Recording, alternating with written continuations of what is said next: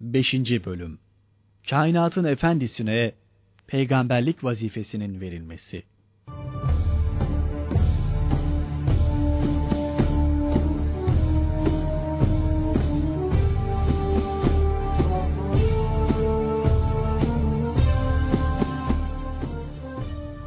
Bazı garip seslerin gelmeye, acip ışıkların görünmeye başlaması. Kainatın efendisi 38 yaşına girince gayipten bazı sesler duymaya ve bazı taraflarda bir takım ışıklar görmeye başladı. Bazen de kendilerine gayipten ya Muhammed diye nida ediliyordu. Fakat Efendimiz bu garip seslerin ve parlayıp geçen ışıkların ne demek istediklerine henüz o sırada tam manasıyla vakıf değildi. Bununla beraber bu hadiselerin manasız ve boşu boşuna cereyan etmediklerini biliyordu ve günlerini onları düşünmekle geçiriyordu. Zaman zaman da sadece muhtereme zevcesi Hatice-i Kübra'ya bu sırları anlatır ve konuşurlardı. O anda yeryüzünde maddi hayatta tek teselli kaynağı Hazreti Hatice validemiz de resul Ekrem Efendimiz'i bir siyanet meleği gibi koruyor ve konuşmaları, sohbetleriyle onu teselliye çalışıyordu. Kainatın efendisinin bu hali tam bir sene devam etti.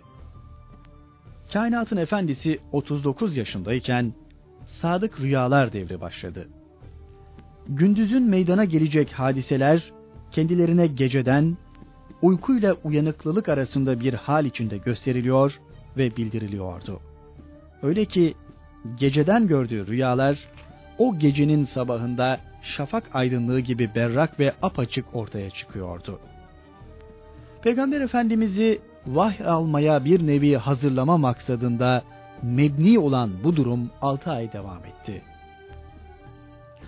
Kainatın efendisinin mübarek ruhu bu 6 aylık devreden sonra artık tamamıyla yalnızlık arıyordu. Cemiyetten uzak durmak, düşünceleriyle baş başa kalmak en büyük arzusuydu. Çünkü ruhu içinde bulunduğu cemiyetin ahlaksızlığından, zulüm ve zulmetinden sıkılıyordu. Ona adeta yalnızlık sevdirilmişti. Öyle ki her şeyinden vazgeçebilir fakat insanlardan uzak, kainatla ve kendi tefekkür alemiyle baş başa kalmaktan asla vazgeçemezdi. Bu sebeple onun Mekke içinde pek durmadığı ve hep insanlardan uzak, ıssız yerleri seçtiği, buralarda hususi tefekküre daldığı görülüyordu.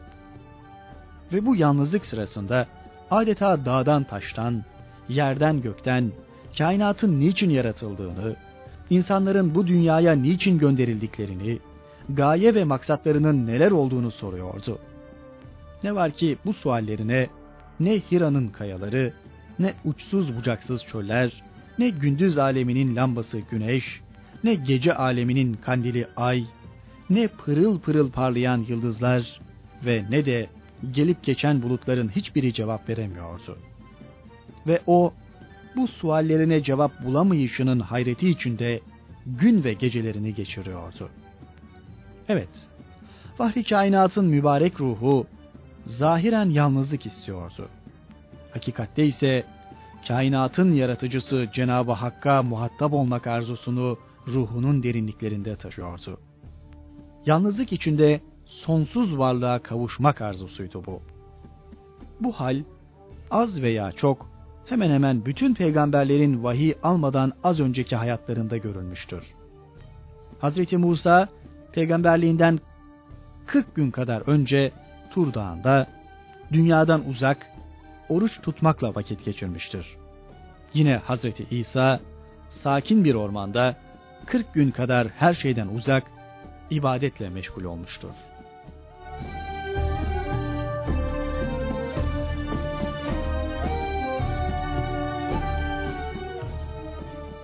Kainatın Efendisi Hira'da Sene miladi 610 Kainatın Efendisi 40 yaşında Yıllardan beri devam edip gelen bir adetleri vardı.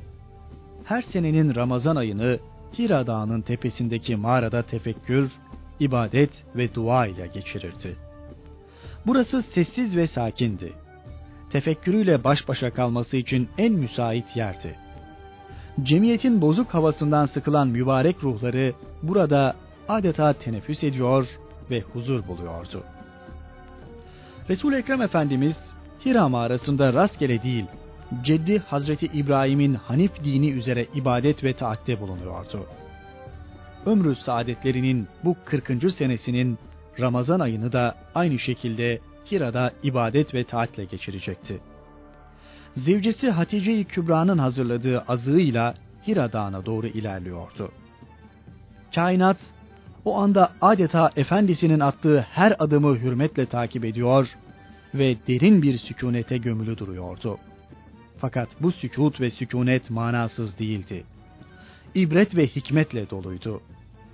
Kainatın bu manalı sükutuna Peygamberimiz de derin düşüncesiyle katılıyordu ve adeta bir ahenk meydana getiriyorlardı. Sanki kainat onun muazzam ruhuna derinden derine fısıldıyordu. Sebebi vücudum sensin. Manamı da en güzel izah edecek sensin. Bir kitabı Rabbani olduğumu bildirecek sensin. Onun için sana minnettarım. Sana hürmetkarım. Kainatın efendisi artık sessiz, sakin ve ilahi tecelli mahsariyetine erecek, Hire Dağı'nın tepesindeki mağaradaydı. Burada ibadetiyle, taatiyle, dua ve tefekkürüyle meşguldü. Ramazan ayının 16. gecesi geride kalmıştı. Ve Ramazan'ın 17'si pazartesi gecesiydi. Nur Dağı derin ve manalı bir sessizliğe bürünmüştü. O civarda her şeyde onunla birlikte sessiz ve sakindi. Kim bilir, konuşulacakları dinlemek, söylenenleri adeta duyabilmek eşsiz mazhariyetine ermek için. Konuşacak olanla dinleyene belki de hürmet için. Gecenin yarısı geçmişti ve zaman seher vaktine ayak basmıştı. Bülbüllerin ötmeye başladığı, güllerin bütün güzellikleriyle etrafa koku tebessümleri dağıttığı ve Allah'ı zikredenlerin coşup sonsuz hazza eriştikleri müstesna vakit. Vahiy meleği Cebrail aleyhisselam en güzel bir insan suretine bürünmüştü. Mis gibi kokularla çevre buram buram kokmaktaydı. Havf ve reca, heyecan ve sükunet tecellileri iç içeydi. Cebrail aleyhisselam son derece sevinçlidir. Çünkü son Resul'e peygamberler peygamberiyle muhatap olacak, Habibullah ünvanının imanı, ibadeti, tefekkürü ve mücadelesiyle hak edecek olan Sultanı Levlak'la konuşacak, onunla yüz yüze gelecekti. Beklenen an gelmişti. Vahiy meleği Cebrail aleyhisselam, bu ıssız ve karanlık gecede, güzel bir insan suretinde, etrafa ışıl ışıl nurlar saçarak, göz kamaştırıcı bir aydınlıkla kainatın efendisine göründü. Tatlı fakat gür bir seda ile hitap etti. Oku. Kainatın efendisini hayret ve korku sardı. Yüreği ürperiyordu. Ben okuma bilmem diye cevap verdi. Hazreti Cebrail kendilerini kucakladı ve sıkıp bıraktıktan sonra tekrar oku diye seslendi. Fahri kainat aynı cevabı verdi. Ben okuma bilmem. Hazreti Cebrail ikinci kere kainatın efendisini kucakladı ve sıkıp bıraktıktan sonra yine seslendi. Oku. Bu sefer Fahri kainat ben okuma bilmem dedi. Söyle ne okuyayım? Bunun üzerine melek Allah'tan aldığı ve Resulüne teslim etmeye geldiği Alak suresinin ilk ayetlerini başından sonuna kadar okudu. Oku. Seni yaratan Rabbinin adıyla oku. Ki o insanı pıhtılaşmış bir kandan yarattı. Oku ki senin Rabbin kalemle yazı yazmayı öğreten, insana bilmediğini talim eden, bol kerem ve ihsan sahibidir.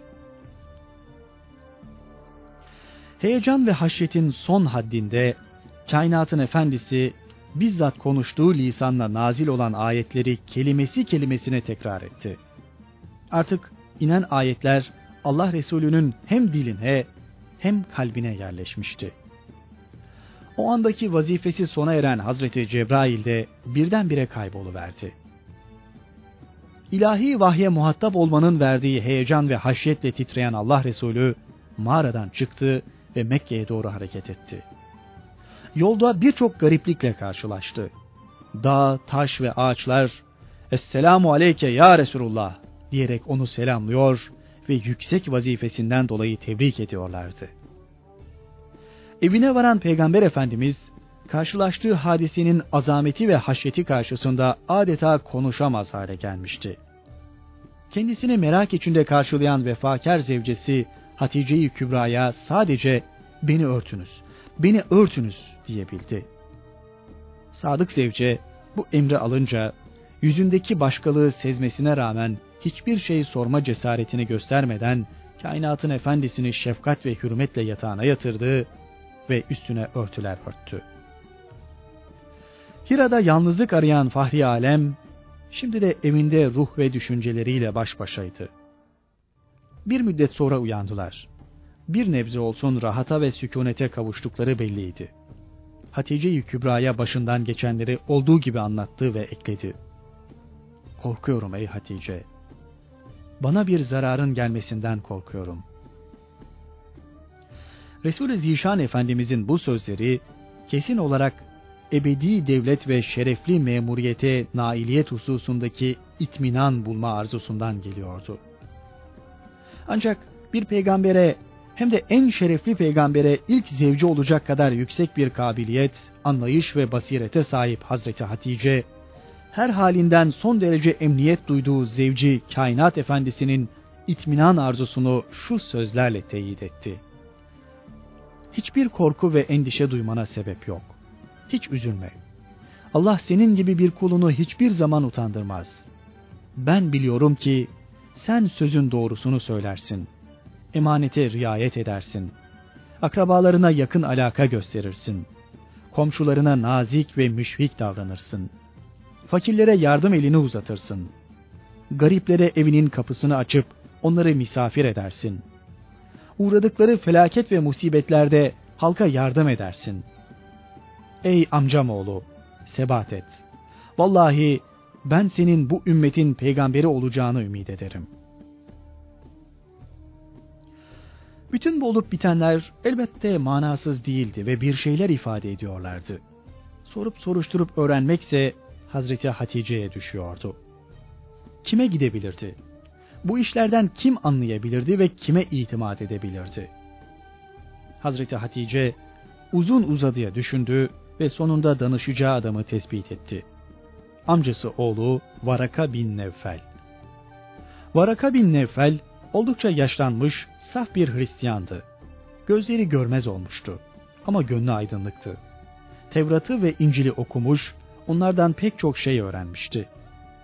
Hazreti Hatice vakit kaybetmeden Peygamber Efendimizle amcası oğluna gitti. Varaka önce Resul-i Ekrem Efendimiz'i dinledi. O başından geçenleri anlattıkça Varaka renkten renge giriyordu. Efendimiz sözlerine son verince Varaka haykırdı. Kuddüs, Kuddüs, bu gördüğün melek Yüce Allah'ın Musa peygambere gönderdiği ruhul kudüstür. Namusu ekberdir. Sense bu ümmetin peygamberisin. Ah ne olurdu yeni dine halkı çağırdığın günlerde ben de genç olsaydım. Kavmim seni yurdundan çıkaracakları zaman sağ olsaydım. Bu ifadeler hem Allah Resulü'nü hem de Hazreti Hatice'yi bir derece rahatlattı. Ancak Efendimizin anlamadığı bir şey vardı. Kavmi onu niçin yurdundan çıkaracaktı? Bu sualine Varaka cevap verdi. Evet, seni buradan çıkaracaklardır. Çünkü senin gibi vahiy tebliğ etmiş bir kimse yoktur ki düşmanlığa uğramamış olsun. Eğer senin davet gününe yetişsem bütün gücümle sana yardım ederim. Varaka bin Nevfel gerçeği konuşuyordu. Gizlenmesi kabil olmayan gerçeği, bütün açıklığıyla ortaya konması gereken gerçeği. Bundan sonra Resul-i Ekrem Hazreti Hatice ile birlikte Varaka bin Nevfel'in yanından ayrıldı.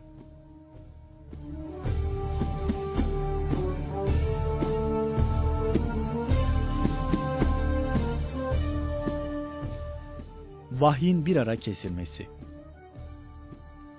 Resulullah Efendimiz aradan çok zaman geçmeden bir hadiseyle karşı karşıya geldi.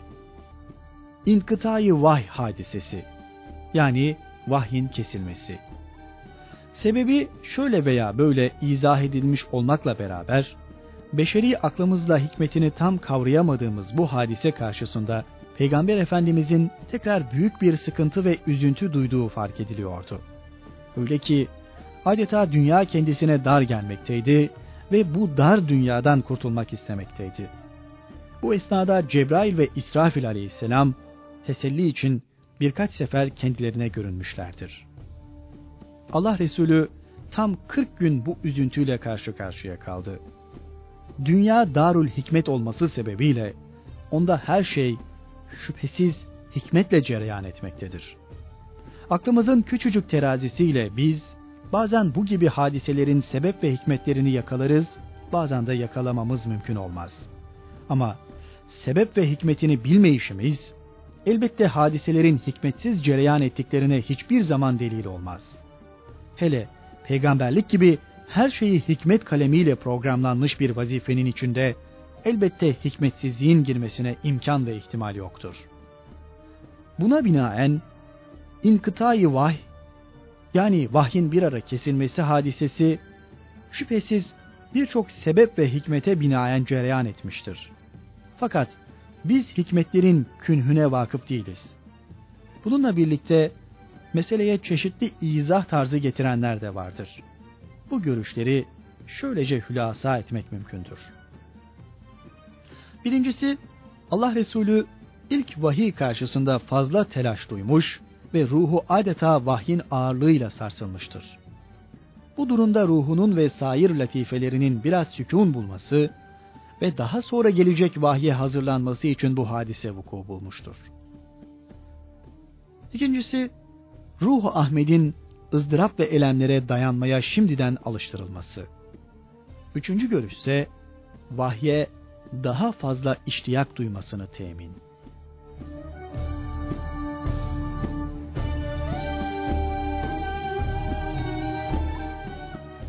40 günlük bir aradan sonra Peygamber Efendimiz'e vahiy tekrar gelmeye başladı. Vahyin tekrar gelmeye başlaması hadisesini bizzat kendileri şöyle anlatmışlardır. Bir gün giderken aniden gökyüzünde bir ses işittim. Başımı kaldırıp baktığımda Hira'da bana gelen meleği yerle gök arasında bir kürsü üzerinde oturmuş gördüm. Ürpererek yere çöktüm. Evime dönüp beni örtünüz, beni örtünüz dedim. Bunun üzerine Yüce Allah, Ey örtüye bürünen peygamber! Kalk da sana iman etmeyenleri azapla korkut. Rabbinin büyüklüğünden bahset. Elbiseni temiz tut. Putperestlik pisliğini bırakmakta devam et.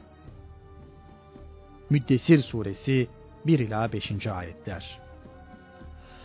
Bu ayetlerini indirdi artık vahiy gelmeye başladı ve ardı arkası kesilmedi.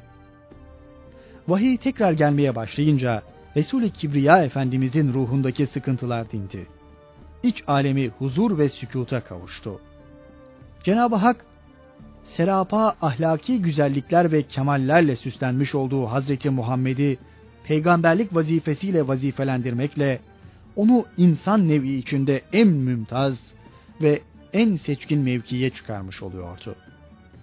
Bu suretle aynı zamanda Yüce Allah'ın umum kainatta cari olan her nevde bir ferdi mümtaz ve mükemmel ve cami halk edip nev'in medarı fahri ve kemali yapar. Kanunu insanlık camiasında da tecellisini buluyordu.